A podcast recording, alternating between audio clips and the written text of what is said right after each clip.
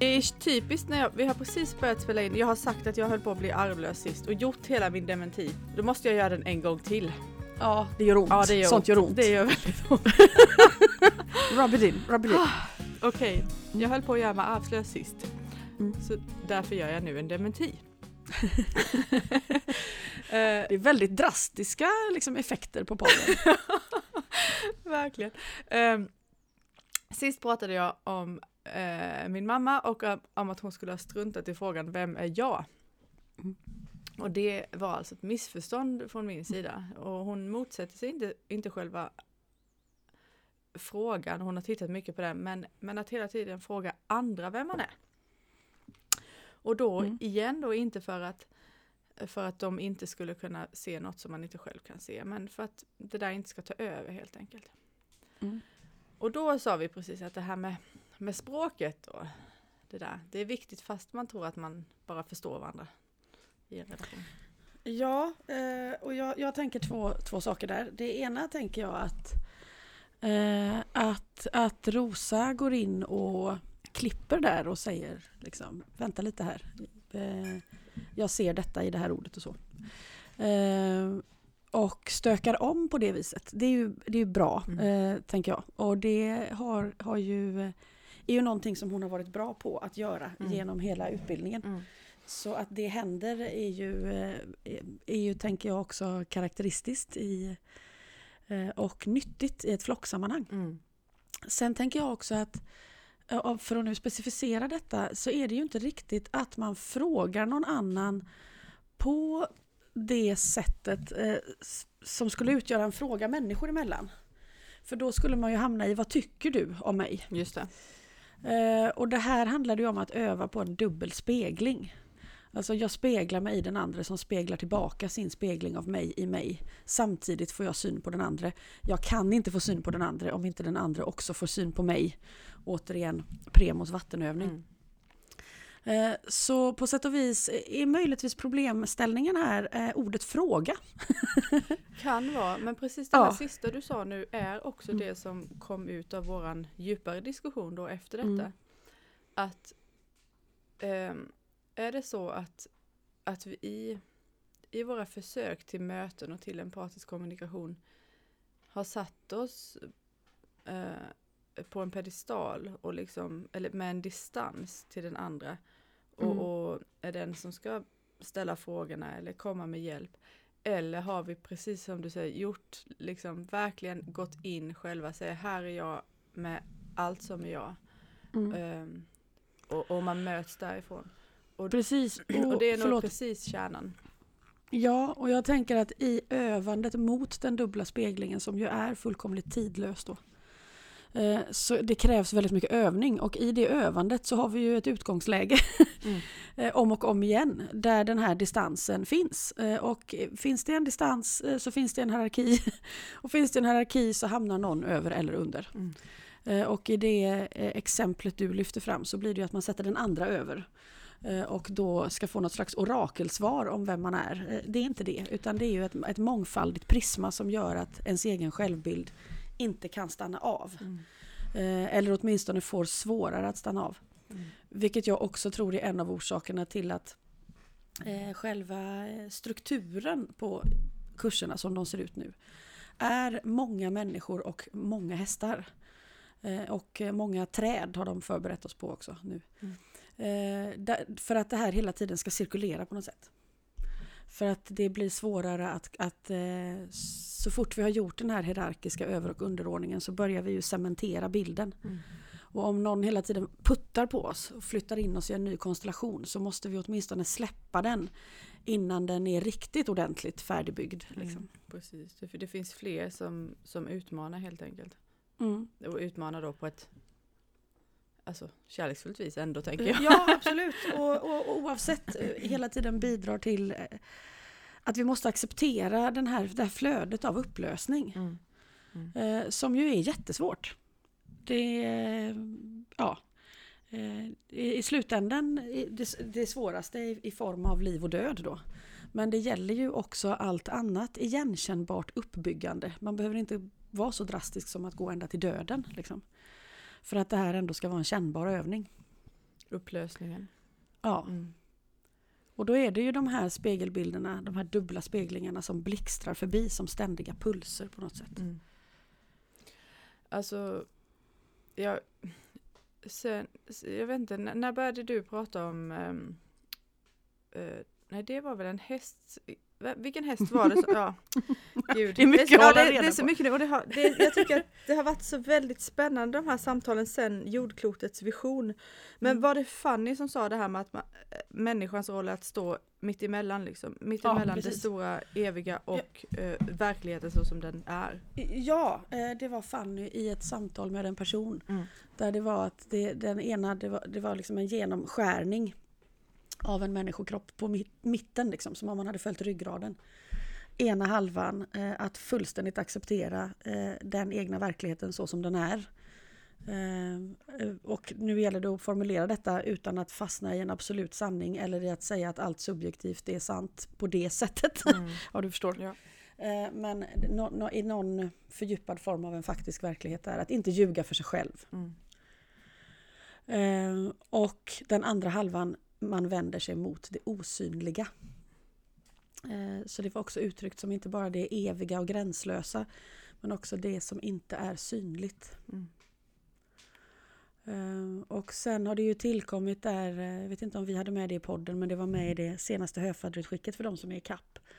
Den här kycklingen som beskriver att när man föds, att, att inkarnera är att bli belyst. Mm, just det. det. Var det var det kycklingen som var lite sorgsen för att ha lämnat? Nej, det var Nej, det den var en kycklingens kompis. Det, Ja, De är två. Mm, Ja. mm. Eh, Som, eller, eller bror eller syster, det var i det fallet svårt att avgöra vilken sort. Mm. Eh, Men eh, att, ja, att det är skillnad på att leva och att veta att man lever. Mm. Och det där, där är skillnaden mellan att det finns ett medvetande och inte finns ett medvetande. Mm. Och där tänker väl vi oss ursprungligen som människor att andra arter helt enkelt saknar medvetandet då. Alltså de vet inte om någonting. Mm. Det är ingen fara att avliva dem för de vet liksom inte att det händer. De bara dör sådär utan att märka. Och det finns ju fantastiska ursäkter vi har för att kunna bedriva det vi ofta gör. Mm. Eh, men, eh, men att det blir... Eh, ja, att det blir... Att man kliver in i ljus. Mm. Jag, jag, jag träffade nyligen en, en häst som, som är väldigt med i matchen. En ung häst, inte, ja ett år är hon verkligen, lite mer än ett år. Ehm, och som beskrev att hennes, hon är en natthäst, inte en nattvakt utan en natthäst. Men jag tänker att det här hänger ihop. Vad är en natthäst? Säger hon, det är den som ser där det inte finns något ljus. Då förstår jag, alltså det är den som ser i det som inte är belyst, apropå kycklingen. Då Mm. bortanför den här eh, skapelsen. Mm. Eh, och där tänker jag också att det här osynliga fältet finns då. Mm. Att vi har det vi är medvetna om och som vi måste stå i och se för vad det är. Och sen har vi det andra där vi helt enkelt måste kapitulera inför vår fullständiga okunskap. Mm. Eh, och i mitten står människan. Men vi har vänt upp och ner på det som alla parallella egospår och tänker att vi befinner oss i centrum. Ja, precis. Men den här, det här perspektivet, det känns som att det på något sätt hakar i eh, Premos vattenövning. Vi kanske får Mm. liksom lite mer förklara vad den är också. Men det, det, eller, eller bara att rida, alltså hela det här att överlämna sig och samtidigt delta. Mm. Eh, Alltså det finns någonting i det som, som kanske inte är samma som att ehm, inte ljuga för sig själv och se verkligheten som den är Mm. och, och ehm, evigheten, det, det os Mm. osynliga. Jo men jag tänker Alltså att att de, om den- de bara hakar i eller om de bara är metaforer för varandra. Jag vet inte hur du säger det. Jo men jag, när du säger det så så tänker jag ju att den här Mios grundsits på något sätt. Alltså man sätter en människa på en häst i full eh, mutual consent. S- och då är i det fallet underkroppen eh, överlämnad till hästen. Den har inte med mig att göra. Det vill säga det osynliga. Mm, överkroppen ovanför naven. Eller det är inte naven egentligen utan de, han beskriver hela tiden och det gör många hästar. Ett litet klot under naven. Och poängen med att det är just ett klot också är att det, det, i överlämnandet så finns det en fullständig flexibilitet i följsamheten då i det här klotet. Är det det som vi ibland refererar till som balanspunkten? Även om vi Ja, kan ha precis. många olika. Mm. Ja, Mm. och jag tror att det kan möjligtvis vara samma punkt som man i qigong kallar för dantien. Mm. Eh, där rörelsen utgår ifrån fast man då inte sitter på en häst. Mm. Eh, och ovanför den här punkten där, där förväntas du ta plats och vara en aktiv motpart så att man faktiskt blir två. Eh, inte att en plus en blir liksom noll eller att hästen springer runt med ett spöke utan eh, lika delar överlämnande, lika delar deltagande. Det, det blir ju den här halvan igen. Mm. Lika delar eh, faktisk verklighet, lika delar osynlighet.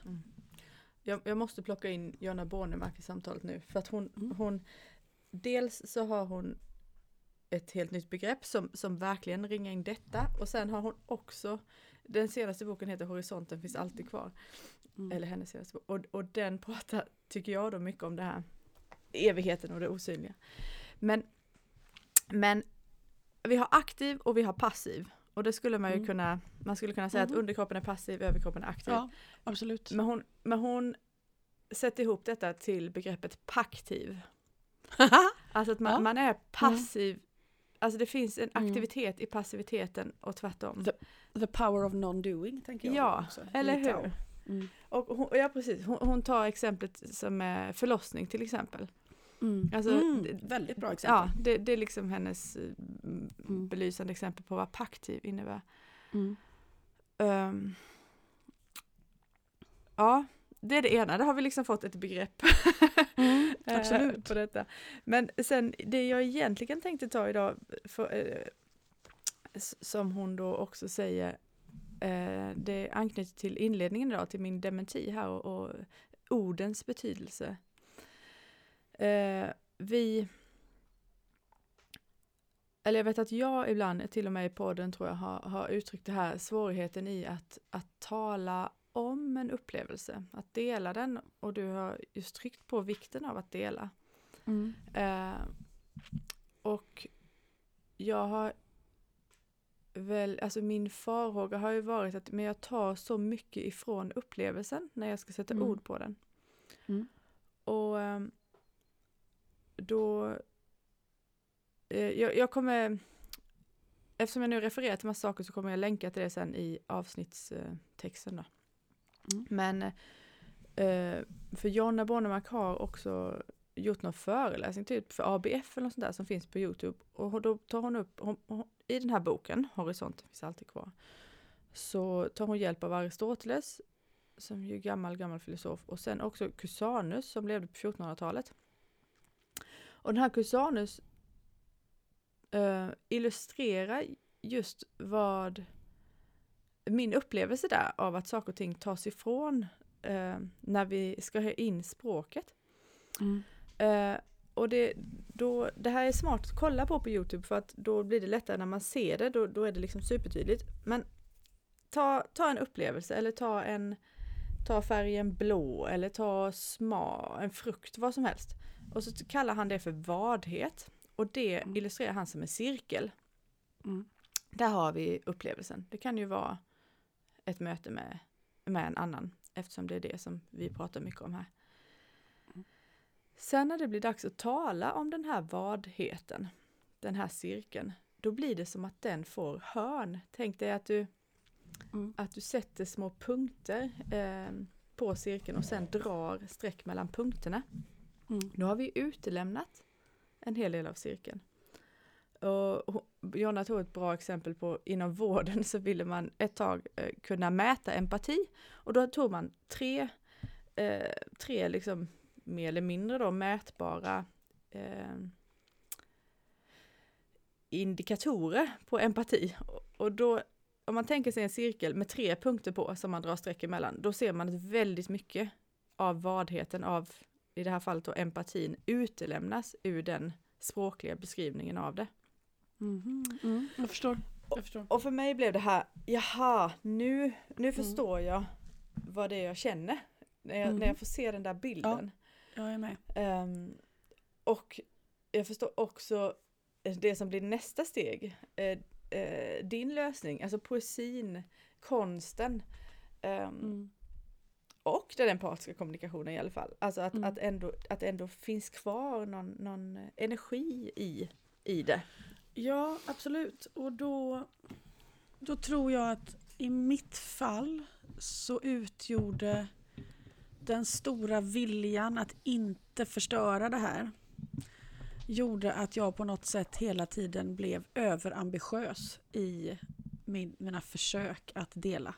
För att det blev så jäkla viktigt att eh, som, som att man liksom eh, smädar något djupt religiöst om jag inte gör detta värdigt uppgiften liksom, eller värdigt upplevelsen ska jag säga. Mm. Inte uppgiften. Och mitt, mitt, mitt var mer så här, jag kommer aldrig lyckas, jag lägger ner. Ja. Eh, och, då, och då fick jag ju den spännande lärdomen där eh, i, i Syrien vid Johannes döparens huvud att eh, eh, berätta det bara som det var. Tillbaka till den faktiska gubben igen. Mm. Den faktiska halvan i gubben. Det är öppningen till osynligheten. Säg det bara som det var. Eh, därför att när vi ska förklara vad det var, det är då det skiter sig. Liksom. Ja, precis. Och Mm, när vi, det- mm. Det, vi tror inte att det räcker. Därför att vi vill så gärna vara sanna mot den här känslan. Och det räcker. Mm. Det gör faktiskt det. Mm. Eh, Så det är den ena tanken. Eh, Och, och eh, som man får väldigt mycket övande i, i, min, i mitt arbete som tolk. För att här gäller det ju verkligen att jag inte snurrar till historien och gör den till min. När jag står emellan då. Mm. Eh, Då är det igen. eh, Och i Fannys fall blir det ju väldigt tydligt skulle jag säga. När det kan bli så djupt personligt för den andra också. Att eh, säg det bara som det var. Beskriv det här fotot som om du liksom talar för, för någon som inte kan se. Bara, bara berätta det. Liksom. Det räcker. Det räcker varenda gång. Eh, och det andra, min andra tanke vad det gäller delandet, för det här är det ju, det här ser jag ju att ni kämpar. De flesta elever kämpar med detta. Fan om det bara inte fanns hemuppgifter så skulle jag vara säker på att jag vill fortsätta. Men hemuppgifterna är det som krånglar till om folk vill fortsätta eller inte. Mm. Och det är också där som hästarna liksom skruvar åt och säger att ja, det, ni, får, ni kan göra det hur individuellt som helst men ingen av er slipper undan. Liksom. Eh, och, och det tror jag beror på att vad övar vi på egentligen när vi tar den här obeskrivliga cirkeln, det här unika ögonblicket som redan har gått förlorat lagom till att jag ska dela det. Vad är det, vad är det som händer där? Jo, det är också att vi, vi ska på något sätt manifestera en tidlös, icke-linjär upplevelse in i den linjära tiden. Eh, Genom att vi gör det så skapar vi ju den världen här. Om vi inte gör det, om vi hela tiden håller den världen där borta, där den är oförstörd och drömsk och bara min, så kommer jag ju aldrig att ta hit den. Alltså någonstans kommer jag helt enkelt aldrig att göra det jag gör också för resten av skapelsen. Mm. Utan jag kommer stanna i min egen dröm. Och, och det kan jag naturligtvis göra. Det finns ingen som säger att jag... eh, Vi är förbi rätt och fel. Det är ingen som, som säger att eh, var där. Eh, men hästarna säger, men ska ni fortsätta med oss här så ingår detta övandet. Liksom. Det är ju det de säger. Gillar snöleoparden detta? Ja.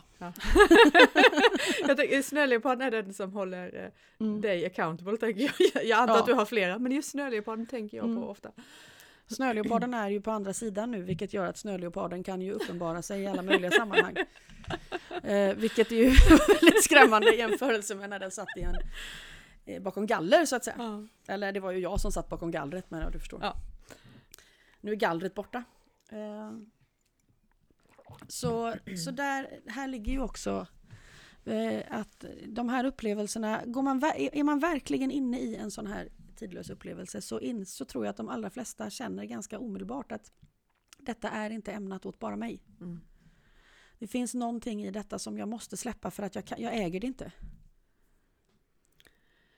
Men och det, alltså den känslan kan ju få en att ta till alla de här adjektiven och stora orden och fantastiskt och så vidare. Men det, det är ju För att man blir överambitiös. Ja, och, och det eller, tar ju, ja. det blir ju värre liksom.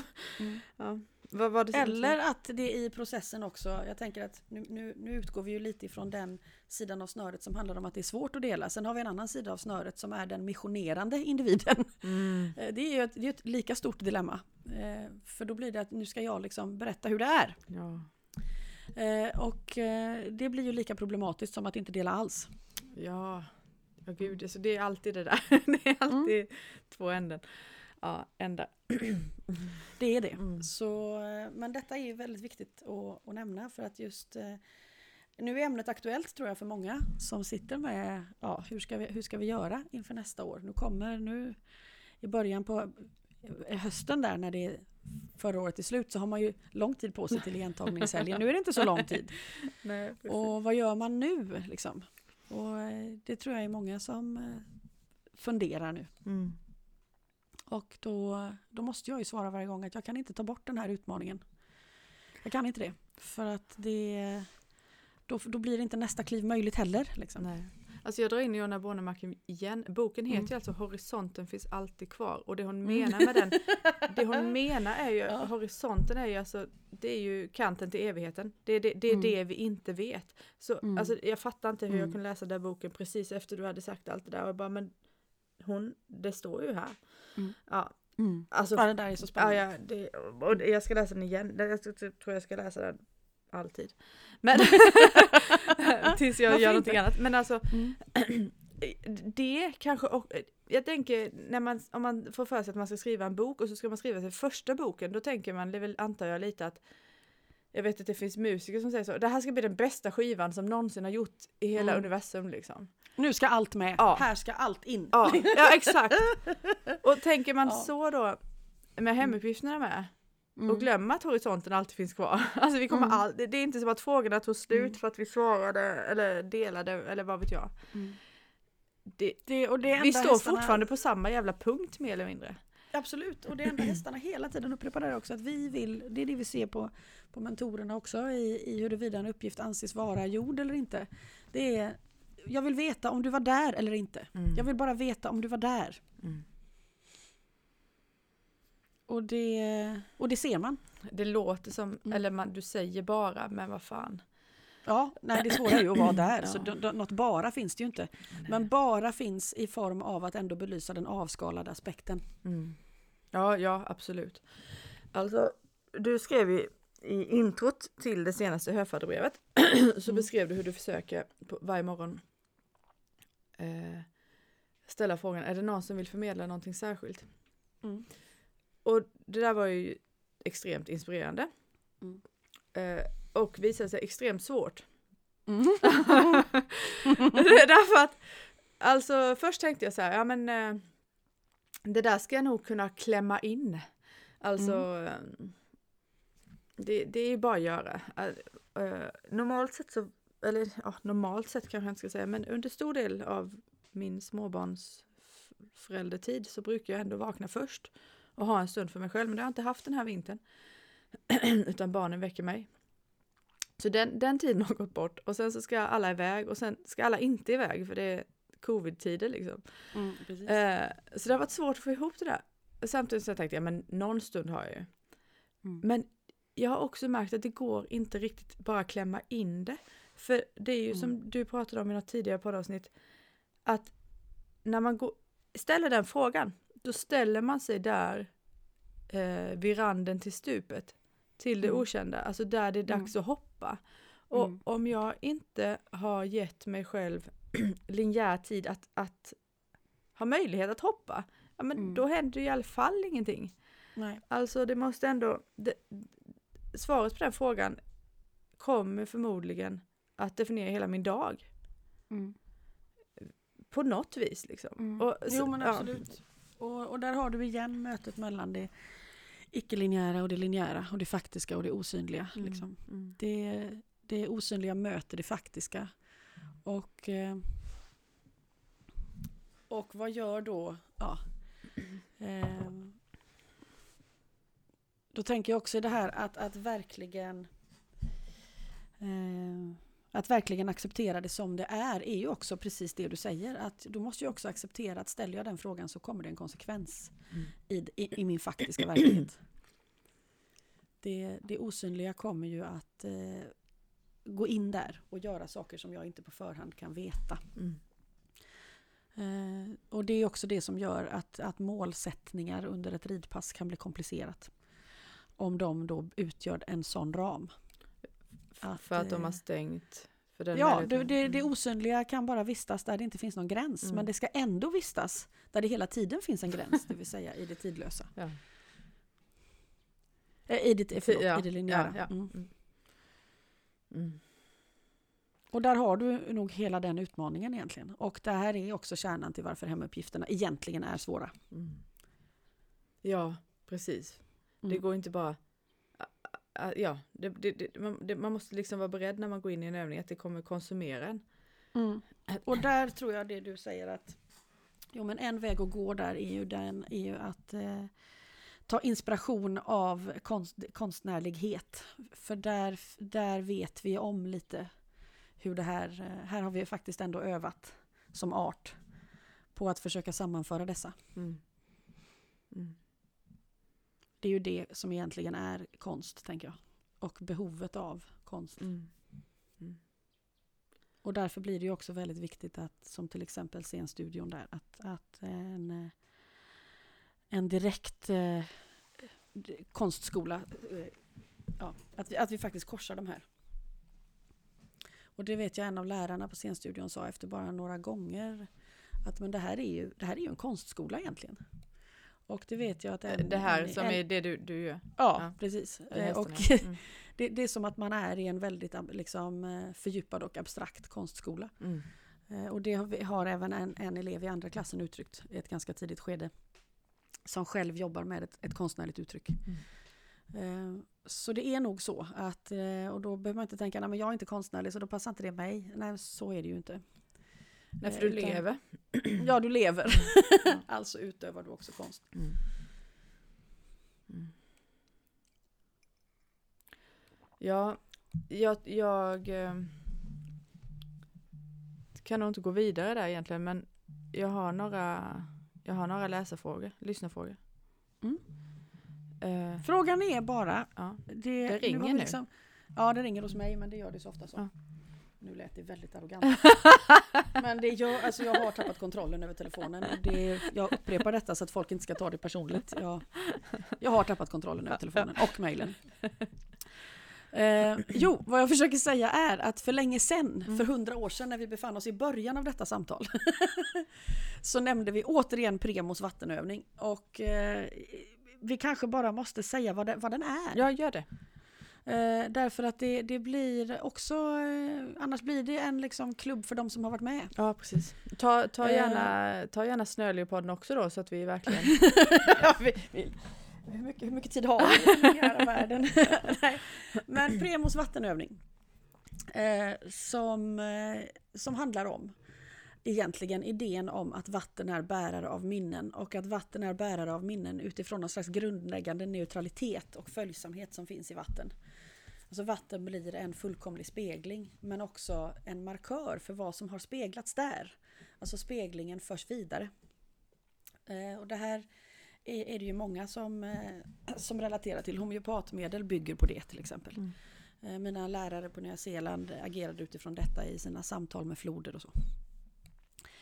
Eh, så vilket gör att stoppar jag ner ett finger i, i ett vatten så, så kommer min historia att börja förmedlas vidare av vattnet. Vare sig jag vill eller inte. Man kan säga att det händer oavsett om jag är med eller inte. Premos vattenövning handlar ju om att man går in i den processen medvetet och eh, upplever det på riktigt, att det är så. Eh, och genom att då doppa ner någon kroppsdel, eh, jag vet folk har gjort allt från att, från att bada till att sätta ner en tå. Liksom. Eh, Men beröringen av vattnet gör att min historia kommer att föras ut i världen. Eh, Och någonstans där så, så i den processen så måste jag också acceptera vem jag... Alltså det här är det som är, detta är det jag har att ge. Mm. Vare sig om jag är nöjd eller inte, om jag tycker att det är fullbordat eller fullkomligt eller inte. I något skede måste jag släppa över mig till världen. Med mina fel och brister och med eh, också det jag är, är stolt över. Det är den här generositeten som vi hade i Ja. förra avsnittet med. Mm. Eh, och, och jag måste också acceptera att den som plockar upp den här historien, hur den individen kommer att tolka det den ser, det kan jag inte heller styra över. Eh, och där liknar det ju mycket att till exempel lämna in en text till en förläggare. Den blir aldrig färdig. Den kommer aldrig bli färdig. Någon gång måste den in bara. Mm. Eh, och så får det, får det bära eller brista på något sätt. Eh, och det, i detta finns det också ett accepterande i att själv att, att göra sig synlig för den andra. Så som djur gör sig synliga för människor i en ordlös kommunikation till exempel. Det finns ett val i att göra sig synlig. Egentligen så är alla andra arter redan synliga. Eh, men, men människan kan välja. Eh, antagligen för att vi kan välja att, att eh, täcka över oss själva med en illusion eller annan bild av verkligheten. Då. Och då, därmed kan vi inte heller möta någon annan. Apropå vikten av att någon annan behöver se oss för, mm. för vem vi verkligen är. För att vi ska kunna se oss och den andra för vad de verkligen är. Och Premos vattenövning är ju en väldigt konkret övning i att göra just så. Jag skickar ut mig själv, den lilla barkbåten, på den här oerhört eh, skrämmande och fantastiska oceanen och jag har ingen aning. Och sen väntar man tills, tills historien har stillnat. Liksom. Någonstans i det här så blir det klart. Och då är det åter en skillnad mellan mig och vattnet. För då ska jag återigen återgå till mig själv och fortsätta skriva min egen berättelse innan jag lämnar över den igen. Mm. Jag har säkert missat detaljer i detta, men det är så jag minns den här övningen. Ja, alltså den här, den här övningen, är, det, det, det är nog svårt tror jag att, att äh, äh, få bort kanterna i beskrivningen av den här mm. övningen. Absolut. För att den, den är, ja, och det kanske är så att alla vi som, som gör den, äh, alltså vi upplever det olika, men mm. den, för mig var det för mig var det befriande, den här mm. känslan av att släppa taget om bilden jag skickar ut av mig själv. Alltså att ja, verkligen, mm. ja men det, och, och mm. det, det, har ju återkommit flera gånger, jag vet, vi var på Tjurepannan för inte så länge sedan och där var det också liksom, det är alltid någon som ser. Marken mm. möter dig och ser dig, hela dig. Mm. och Ja, det är ingen idé att låtsas liksom. Nej, och det är också oh, någonstans en förståelse mm. för att vi har både ljus och mörker i oss allihopa. Vi mm. vi, vi är liksom inte fullkomligt altruistiska varelser, i alla fall inte lyckas vi inte praktisera det hela tiden. Eller vad, ja. Um, och, och det är som det är. Mm. Uh, och jag tycker också, jag vet när folk ändå ibland frågar även mig då, eftersom de inte får svar från dig, hur, hur gör jag? då är det faktiskt just den här vattenövningen och, eh, och var det spanarnas övning, det här med att gå, sätta sig mitt emellan liksom. Gå, mm. gå, inte gå hela vägen fram till den man vill möta, utan sätta sig mitt emellan och vänta på att den kommer till mötet om den vill. Just det. Mm. De två tycker jag liksom är um, mm. eh, någonstans att börja i alla fall, om man nu vill mm. ge någonting.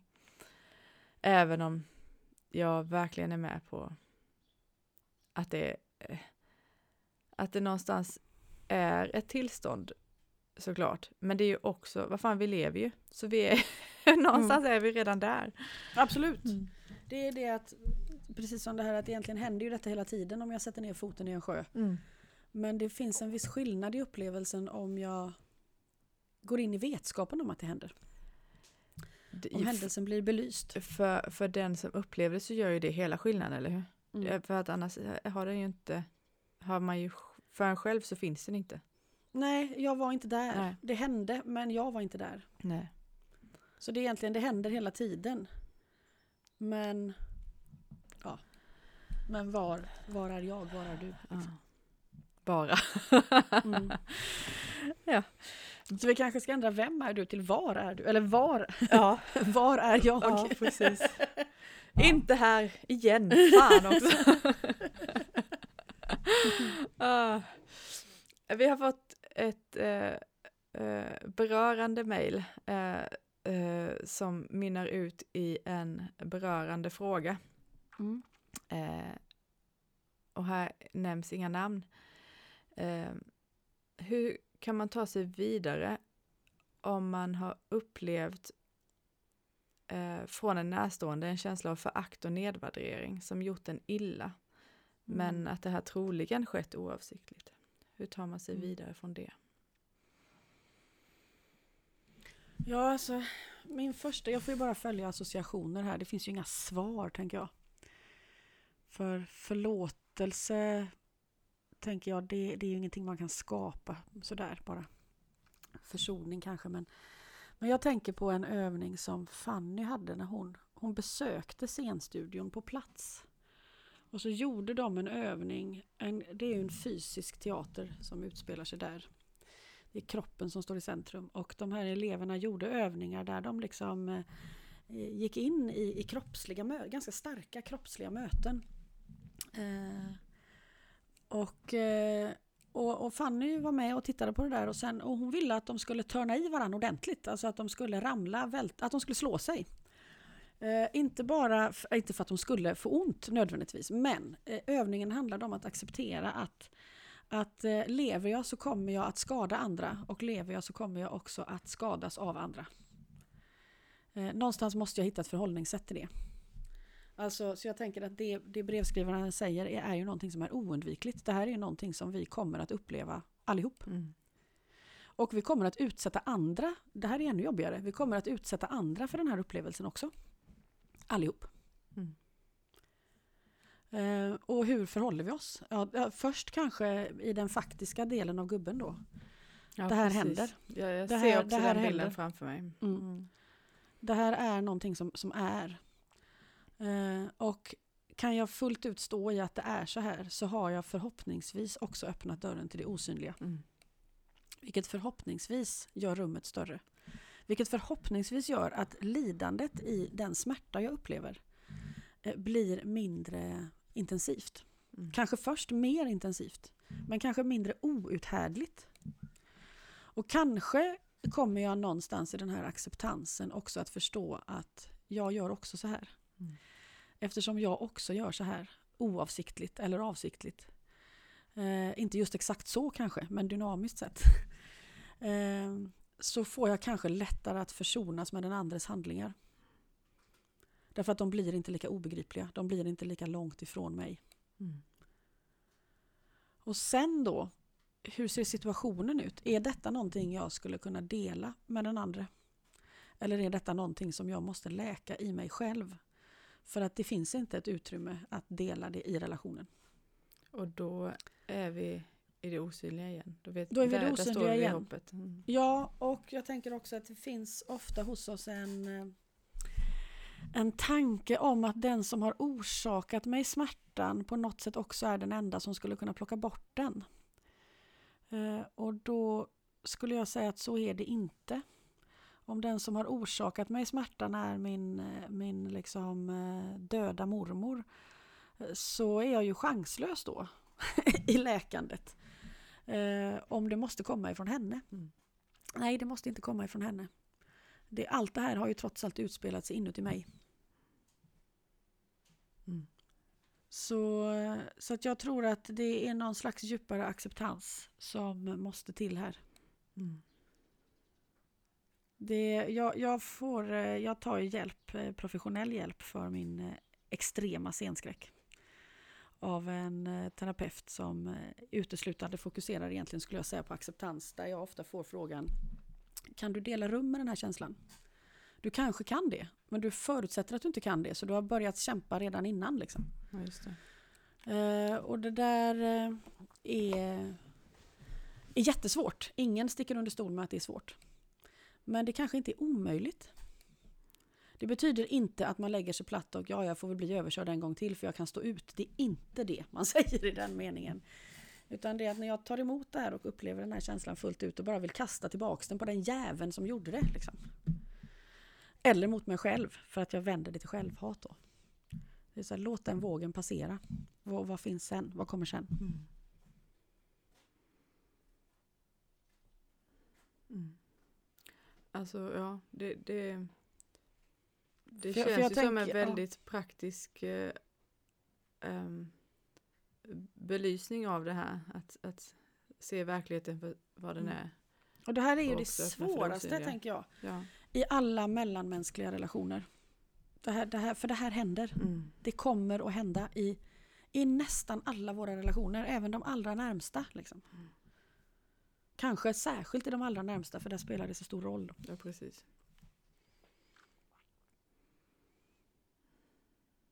Mm.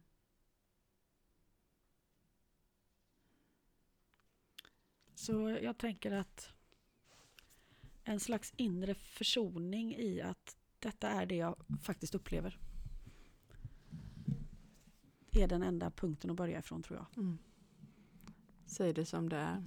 Mm. Mm. Ja, jag, ja, vi ska nog inte krångla vidare med den. Nej, den, den är ju också...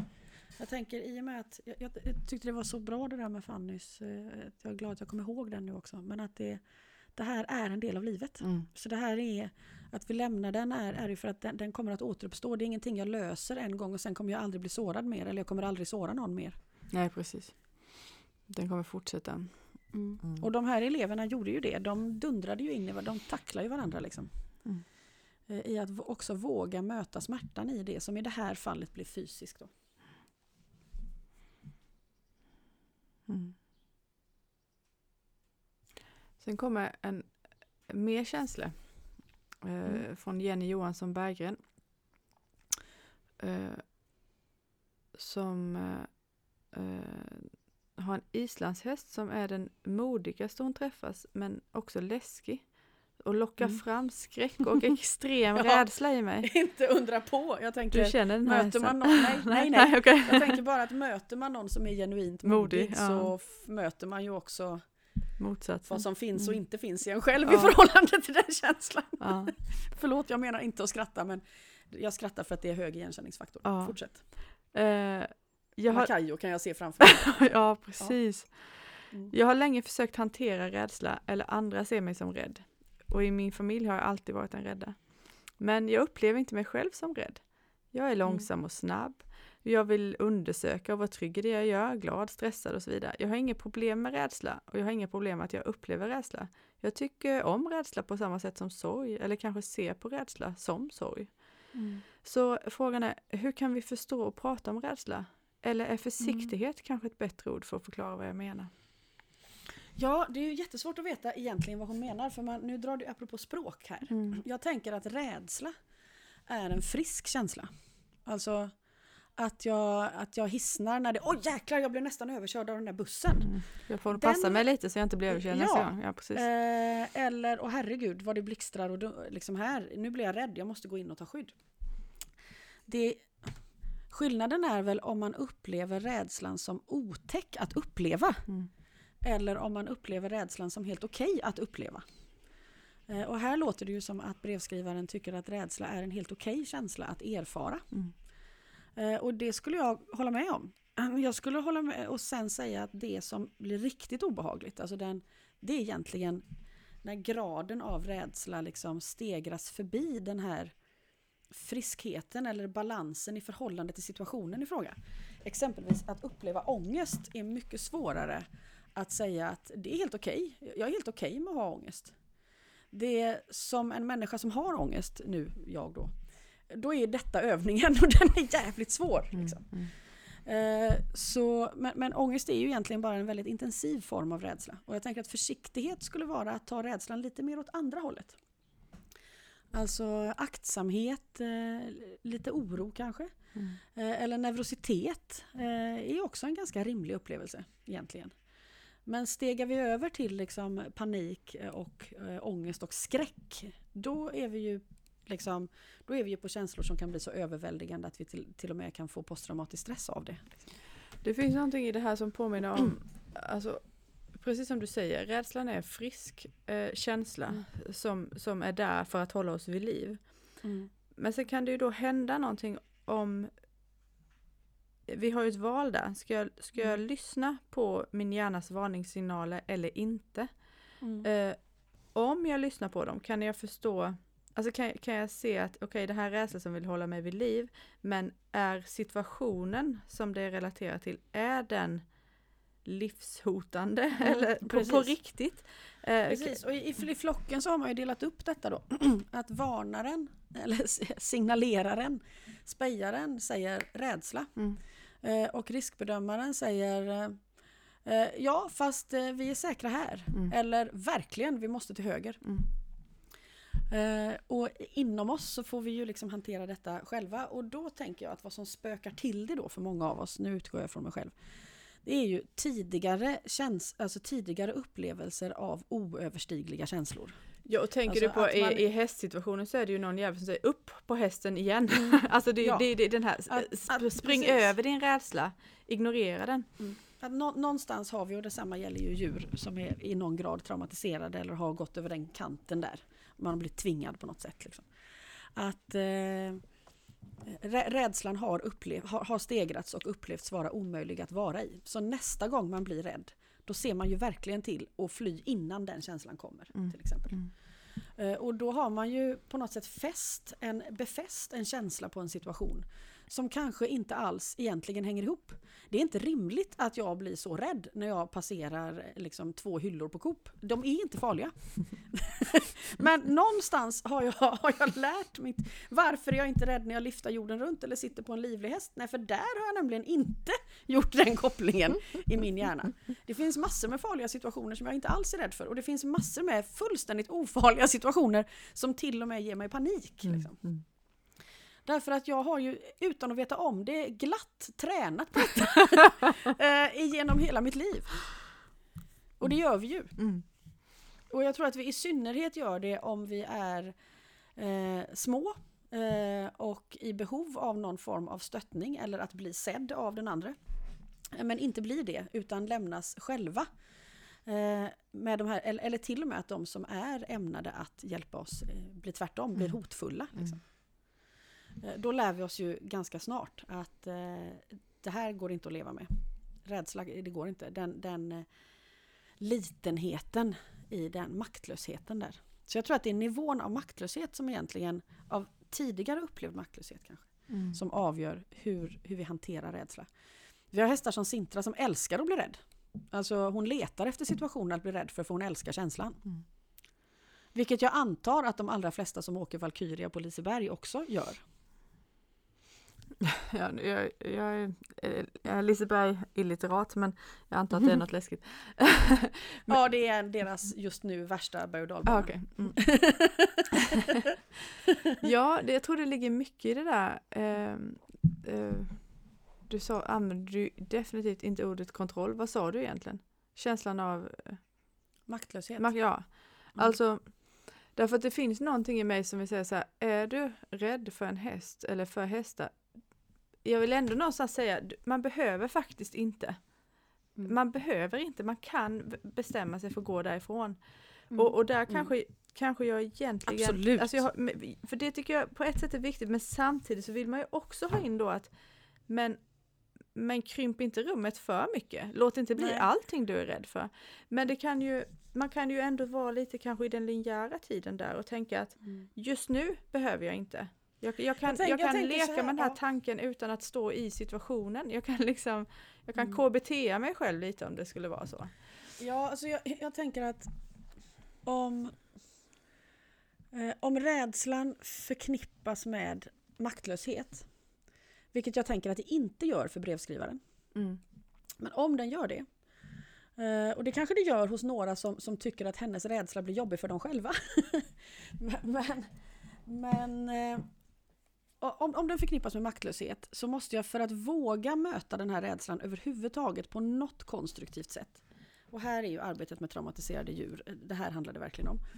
Då måste den individen veta att det finns ett val, det finns en nej-knapp. Mm. Jag kan säga hit men inte längre, jag klarar inte mer. Mm. Har, har en häst liksom i omträningen av sin inridning då vill göra detta och vill till exempel möta upplevelsen av en sadel så måste den veta att mitt i så kan den bryta och säga det här går inte, jag måste sluta nu. Mm. Och där krockar det med vår, vår inlärda rutin som många av oss har, att man får inte ge sig. Man måste liksom ro projektet i hamn, annars har den andra kommit undan. Eh, och vilket gör att nästa gång kommer det bli en katastrof. Och egentligen är det tvärtom. Jag hade den här diskussionen med en ny eh, eh, kund ganska nyligen. Eh, att eh, av alla miljoner samtal jag har haft med djur som har blivit slagna till att göra olika saker. Så har ingen av dem under dessa 27 år beskrivit hur det gick Mm. Så att hästen som beskriver att den blir piskad för att hoppa eller piskad för att gå in i transporten eller skrämd för att gå över ett vattendrag. Det finns aldrig med i berättelsen om den hoppade hindret, gick in i transporten eller kom över vattnet. Det är inte det hjärnan registrerar. Mm. Så det är skit samma om du slutför det du gör. Mm. Det väsentliga är hur du upplever det som sker. Och den associationsbanan som sker i hjärnan. Vi bestämmer oss för att vi ska minsann inte hoppa av hästen om den blir rädd för då har hästen vunnit och hur ska det gå nästa gång. Men hoppar vi av hästen så utgör jag kanske ett helt annat stöd för den individen vilket ändrar känslan av maktlöshet i förhållande till situationen. Och då är det till en hjälp, apropå när du säger vad ska jag möta och vad ska jag inte möta? Jo, du ska inte öka känslan av maktlöshet. Mm. I så fall har du ju ökat traumatiseringen. Mm. Det Och spelar hjärnan ingen måste roll. skrika ännu Ja, högre. så du kan inte säga får jag bara spänt sadeln och sadeln väl sitter på så då har du ju klarat det och då går det bra sen nästa gång. Nej, jag kommer bara ihåg graden av liksom oöverstiglighet i förhållande till den känslan. Det är skitsamma om sadeln kom på eller inte. Det är helt avgörande hur jag minns vad som hände. Alltså vilken känsla som har befästs i det minnet. Mm. Mm. Eh, och där, där krånglar vårt eh, hierarkiska makttänk verkligen till det. Vad som händer är ju möjligtvis att, ja men säg att du piskar hästen förbi den där farliga traktorn då. En, en, eh, en häst med låg självkänsla kommer ju möjligtvis att eh, uppleva en stark apati, alltså att maktlösheten passerar panik, skräck, ångest och går över till apati. Så nästa gång går den helt lugnt förbi traktorer, den reagerar nästan inte på någonting längre. Det funkade jättebra det här. Men den är inte Eh, heller där på tal Nej, om men samtalsämnet om det enda vi är intresserade av är att komma förbi traktorn så måste man ju ändå säga att det fungerar. Mm. Ja, det och eftersom som det, är- andra utspelar sig i det osynliga och får konsekvenser som jag kanske inte alls kopplar ihop med den här händelsen med traktorn. Så har det ju i min värld fungerat. Alltså Mm. argumentet mot dominans är inte att det inte fungerar. Nej. Det är jätteeffektivt. Ja. Mm. Och, då, och så här gör vi ju också med ryttare. Upp på hästen igen, hur skräckslagen du än är. Mm. Bara du kommer upp så vågar du nästa gång. Nej, det är ju som att tvinga upp någon i liksom ett hopptorn. Hur rädd den än är. Och sen putta. Hoppa bara, sen Ja. putta. Så märker du att du överlever så blir du inte så rädd nästa gång. Nej, men det där fungerar ju bara, sen kommer man till ett skede, när du säger att man får KBT sig själv, man kommer till ett skede där man är rädd för att hoppa men vet att den här gången kommer det hjälpa mig att jag ser att jag överlever. Mm. För att den, min enda chans att skriva om det här minnet är ju att, att uppleva en annan känsla i samma sammanhang. Men, men jag kan ju inte tvinga mig själv eller någon annan till den lösningen. Det är ju inte i teorin, det är ju inte i, i pannloben detta händer. Liksom. Ja, ja. Och därför tar det tid. Och då kan man inte säga, men kan du inte bara säga till honom att traktorn inte är farlig? Eh, ja, det kan jag. Eh, men det spelar ingen roll. Han kanske till och med vet att traktorn inte är farlig. Men han är rädd för det han känner när han ser traktorn. Mm. Och då hjälper det inte att förminska hans upplevelse genom att säga att det inte är farligt alls, det du känner är fel. Nu är vi tillbaka på den faktiska gubben. Det du känner är det du känner. Oavsett om det är helt ologiskt att bli rädd för knäckebrödhyllan på Coop eller inte, så är det det jag känner. Liksom. Och alltså Ja. det där att, att få att, att någon annan ser det, alltså att få bekräftelse på det. Mm. Att få, och, och, och verkligen då det som du säger, att få känslan av att det är någon som hör mitt nej, Mm. även hur subtilt det än är. Det, Mm, det är ju det som någonstans skapar trygghet. Och Mm. möj, alltså det, det, har man inte det så det finns ju ingen möjlighet då. Det, då. Då går vi bara åt andra hållet. Mm, så är det. Så är det. Och då har vi ju vuxit upp ofta i sammanhang med djur där människan hela tiden måste pressa på ett ja. Eh, och, och djuret, vi har inte övat på att höra deras svar. Liksom. Vi har verkligen inte det. Mm. Och samtidigt så har vi den här situationen nu, du pratar om Mm. ominridning och sådär. Mm. Vi, vi har ju, vi har ju, likväl som vi har detta så har vi ju situationer där, där en häst ber om någonting som Mm. är svårt, som vill ha hjälp Mm, att, att, mm. att gå den här processen. Där, där vi då vi måste lyssna på jaet, vi måste lyssna på nejet och när de Mm. kommer. Alltså, Mm. vi, det är lika mycket att ibland vara den som säger jo, jag ser att du klarar detta. Mm, pre- precis, för annars har jag ju svikit den andra. Mm. Om den andra står där och verkligen sådär, jag vill fast jag vet inte fan. Mm. Då är det ju, ja men fan vi gör det tillsammans, jag, jag går igenom eld med dig här nu. Mm. Liksom. Mm. Då måste jag ju in med styrka, så det här är ju inte nödvändigtvis bara liksom ett slags en, en gullighet i det här. Nej, och det, för, och det är ju Det- extremt viktigt att vi inte eh, förstärker en känsla av att vara ett offer liksom. Absolut. Och samtidigt också ser att ja, i den här situationen var du ett offer. Precis. Precis. Eh, när, när, du, när du fick stryk i den här boxen Ja. och inte kunde komma loss och någon tog bort din mamma. Eh, så, så var du precis så maktlös som du kommer ihåg det som. Det var så. Mm. Men Och inte det finns, det finns inget försvar för det du har varit med om. Det finns ingen ursäkt. Det finns ingen förmildrande omständighet överhuvudtaget. Det var exakt så jävligt som det var. Mm. Där måste vi börja. Mm. I den faktiska gubben. Ja. Och med, ja, men den faktiska gubben, om det där har hänt och inte händer längre, Mm. så är Så ju är den det också den faktiska också. gubben. Precis. Mm. Det är också en Men det kan vi gubbe. inte komma Mm. på. Precis, det kan vi inte komma på. Om vi försöker att göra om historien. Nej. Jag kan inte först tänka, men det är ju ingen fara nu längre. Nej, nej just det. Och det, Mm. och det är väl det, poängen med posttraumatisk stress är väl att vad som är nu och vad som är då, eh, den gränsen är uppluckrad. Den gränsen är uppluckrad i en så kallad dissociation. Mm. Då. Så känslan pågår konstant. Händelseförloppet vet vi. Det är över, men det hjälper fan inte. Mm. Jag känner det jag känner ändå. Mm. Och då måste vi möta känslan igen. Så att precis det där händer. I det här fallet att man på något sätt stimulerar den neurologiska kopplingen mellan höger och vänster hjärnhalva samtidigt. För att också fysiskt faktiskt möta hur hjärnan lagrar sina minnen. Det finns en bro till nutiden. Men maktlösheten förhindrar dig just nu från att se denna bro. Mm. Ehm, jag är nyfiken på att höra vad du säger om, om jag beskriver ett, um, vad ska man säga, Eh, när jag var parellinstruktör så hade de eh, em, någon människa som, jag har glömt vad hon heter, men som jobbade just med rädsla och hon beskrev ett lämpligt förlopp att, säg, säg att man är rädd för att rida på en häst till exempel. Att man bara tänker sig då att okej, för, att, för att jag så småningom ska sitta på den här hästen så behöver jag kanske gå först och hämta grimman, jag behöver gå och hämta hästen och jag behöver hämta sadeln. Och då Mm. att där någonstans identifiera, bara i den här visualiseringsövningen, var knyter det sig? Och så backar man. Mm. Då går man, man, man går liksom inte förbi känslan av rädsla där Ja, egentligen. precis. Utan då precis. backar man och sen så kanske man gör det igen. Och, ja, Ja, och och där tänker jag att också vi, vi pratar om töjgräns. ja. I, en, I en hästs fall, om man nu ska ta ominridning, så är det ju att jo, men jag går fram med grimman. Redan där, grimman kommer in i synfältet, hästen håller andan. Mm. Då stannar jag där. Mm. Då stannar jag där. Det kanske är det jag gör den dagen. Mm. Eh, för att vi kan vara där, vi kan vara i den känslan. Ibland kommer det ett minne, ibland inte. Ibland blir det bara en slags acceptans. Vilket inte är att man har underkastat sig grimman, utan jag kan vistas i samma rum som grimman och det väcker inte längre samma känsla. Jag går inte vidare till nästa steg förrän den acceptansen har kommit. Mm. För vad som händer då och varför många hästar blir så explosiva är för att vi hoppar över alla de små stegen. Vi ser inte alla gånger hästen håller andan. Mm.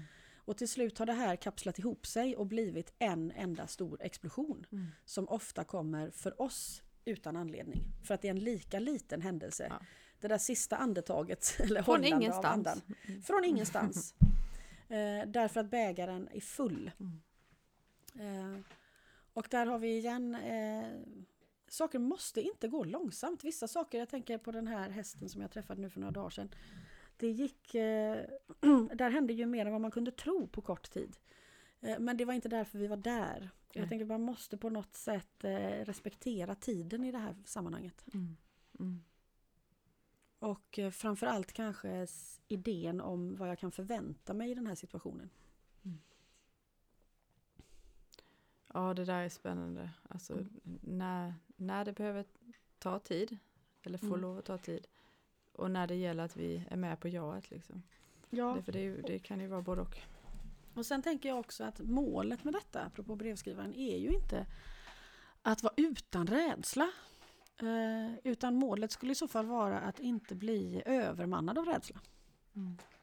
Eller att ha redskap, kanske ännu hellre, ha redskap för när jag blir övermannad av rädsla, för det kommer också hända. Apropå, jag kommer att bli skadad, jag kommer att skada andra. Mm. Eh, hur, hur, hur tacklar jag det då? Hur väl rustad är jag för den upplevelsen? Alltså sen tänker jag... För alla får inte posttraumatisk stress av Nej. en lik, likadan upplevelse. Nej, precis. Eh, och det beror inte på personlighet eller hur stark eller svag man är. Utan det, det beror på hur man i den stunden upplever graden av maktlöshet. Mm. Nu när jag tänker på hennes brev igen här Jenny, så då det kan ju också, alltså hur, hur, kan vi tänka, hur kan vi tänka om rädsla? Kanske handlar det om, hur, hur förklarar jag för mina närstående som tycker att jag är så jävla rädd att det inte är ett problem för mig? Alltså, och, och vad i detta är friskt liksom? Ja, och, och jag tänker också att det finns ju en viss machokultur får man väl säga i hästvärlden. Mm. Där man får lära sig tidigt, tror jag fortfarande i alla fall, att visa inte hästen att du är rädd. Ja. Vilket är det, är det största skämtet. Liksom. Det, det funkar varje gång, det är aldrig Ja, någon häst det- som har märkt att du är rädd. Eh, vi kommer, alltså om vi lever ett liv tillsammans med hästar så kommer vi att vara rädda i perioder. Mm. Eh, och ett bra mycket bättre sätt att möta det är ju att erkänna det. Så, så rä- rädsla är normalt. Mm. Det, det liksom är ingenting som vi egentligen strävar efter att bli av med. Nej, för då hade vi ju, hade vi inte haft någon rädsla, då hade vi varit gränslösa och förmodligen dött alltså. Det är ju, Ja. det är ju den eh, magnituden är som den här känslan har. Jag, jag tänker ju att våra förfäders förfäders och så vidare eh, gissar jag var skiträdda. Mm. Annars hade jag inte suttit här. Nej, precis. Eh, det är men- precis. Di- Dina panikattacker är liksom, det, det är tack vare dem. Du, det, det bara är så. Ja, eh, mina, mina panikattacker är ju också kroppens stora vänlighet i att försöka svara på min tanke. liksom. Att det är så jävla farligt! Eh, och då gör kroppen, okej, eh, jag samlar mycket blod till benen så du kan springa fort. Eh, jag ser till att du svettas så att eh, du liksom kan glida ur dina elevers grepp om de får tag på dig och så. Just den bilden tycker jag är väldigt hjälpsam. Eh, så, sen att det är sjukt obehagligt att uppleva det, det betyder ju inte att kroppen är illasinnad på något sätt. Ja, din stackars gör kropp ju- också. Jag tänker på vintern Ja. när du har på dig världens största overall. Liksom. Den Mm. bara, hur fan ska jag lösa detta nu? Ja, ja, hur ska jag komma ur overallen för att kunna ta mig härifrån? Ja, absolut. Det,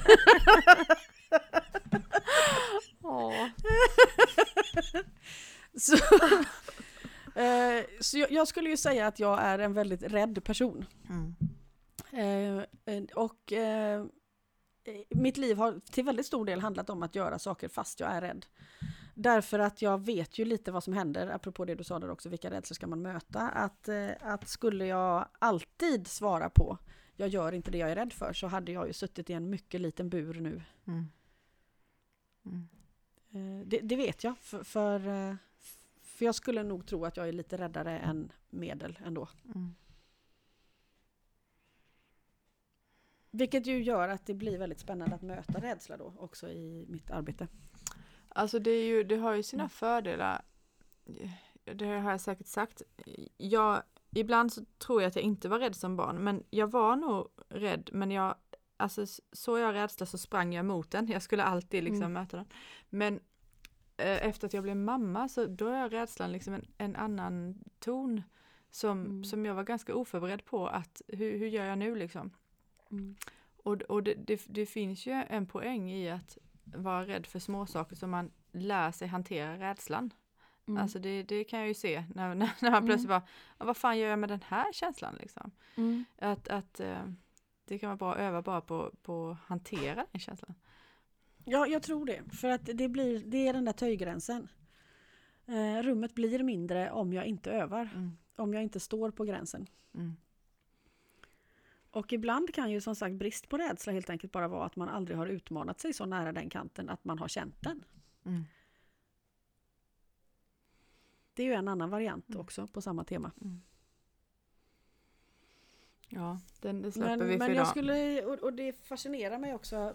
Jag, jag har många elever som säger att de vågar göra saker när jag är med. Jätteroligt. Vi sätter den räddaste människan i rummet.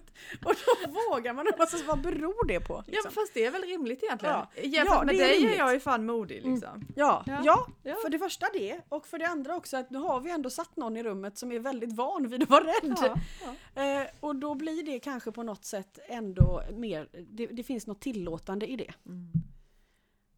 Jämfört med om jag skulle liksom som en sån, eh, Macho som ett gammalt macho-orakel komma och säga att det finns inget som är farligt. Eh, det blir ju väldigt respektlöst också. Mm. Ja det är ju det. Mm. Det är ju verkligen det där som du säger, nej den här händelsen var inte så farlig, det du känner är fel. Och sen är Mm. man ju på en helt annan bana. Ja, det är så extremt Ja, förminskande ja, att göra så ja. med någon. Det är, man förstår kanske inte hur väldigt förminskande det är om man inte har varit med om det själv. Nej. Mm. Så Mm. rädsla är ett, ett centralt ämne tänker jag i häst eh, och det är en sån viktig sak som hästar gör med oss. Att Mm. vi måste, att de, någon gång kommer de försätta oss i en situation där vi måste möta den känslan. Alltså, eh, nu, jag hade tänkt att vi skulle avsluta egentligen, men när du säger det så måste, kom, dök det bara upp en association att det, det, ja, det är ju väldigt bra att de gör det, för rätt som det är så, så hamnar vi i en situation där det krävs civilkurage, liksom, eller där vi behöver Mm. stå upp för någon annan, där vi behöver vara de som, som tar hand om de värnlösa. Och Mm. då har vi då inte alls övat på det. Då kommer, Nej, vi, inte, då kommer vi inte göra det. Alltså Nej. då går Nej, vi och nej. sätter oss i garderoben liksom. Ja, då letar vi efter något bekvämt. Ja. Och det, där garderoben kan ju vara väldigt bekväm. Absolut. Mm. Alltså jag vet att vi inte har, eh, eller vi har, vi har avsagt oss skyldigheten att svara på alla frågor, eh, Mm. eh, i alla fall med kort varsel. Men det känns ändå lite skönt att ha fått möta lyssnarnas frågor idag. Ja, absolut. Och de är ju... eh, Så det är ju alltid bra att få en oförberedd fråga. Ja, och jag tycker också att det är bra. Det öppnar, jag menar, det öppnar ju rummet ännu mer för att annars hade ju dels att det verkligen är en, en, ett samtal större än dialogen mellan dig och mig. Mm. Eh, och också att mina frågor eh, är ju begränsade till mig till viss del. Mm. Eh, så att, så att ja, det är ju jättekul bara. Det är klart att det blir större på ett helt exponentiellt sätt egentligen. Mhm. Så keep them Ja. coming, men bara ha Mm. lite tålamod. Är, det- är det en akut fråga, ring Poolia höll jag ja. Ofta känner man ju av om det är en akut fråga. Ja. Det vet jag vissa som känner mig sedan många år tillbaka har vant sig vid. Att eh, ibland får man ett skitsnabbt svar. Mm. Eh, och när man inte får det så är det ofta för att man tänker men de, de löser ju detta. Ja. Eh, På något jäkla känna- vis så lyckas du förmedla det med genom ditt icke-svar. Det tycker jag är kul. Mm. mm, men jag känner ju verkligen så också. Ja. Så på något sätt har väl det redan åkt runt i etern. Precis. Det är bra. Ja, nu slutar vi babbla. Nu ger vi oss! Bara, så, Ja, hej då. hej då!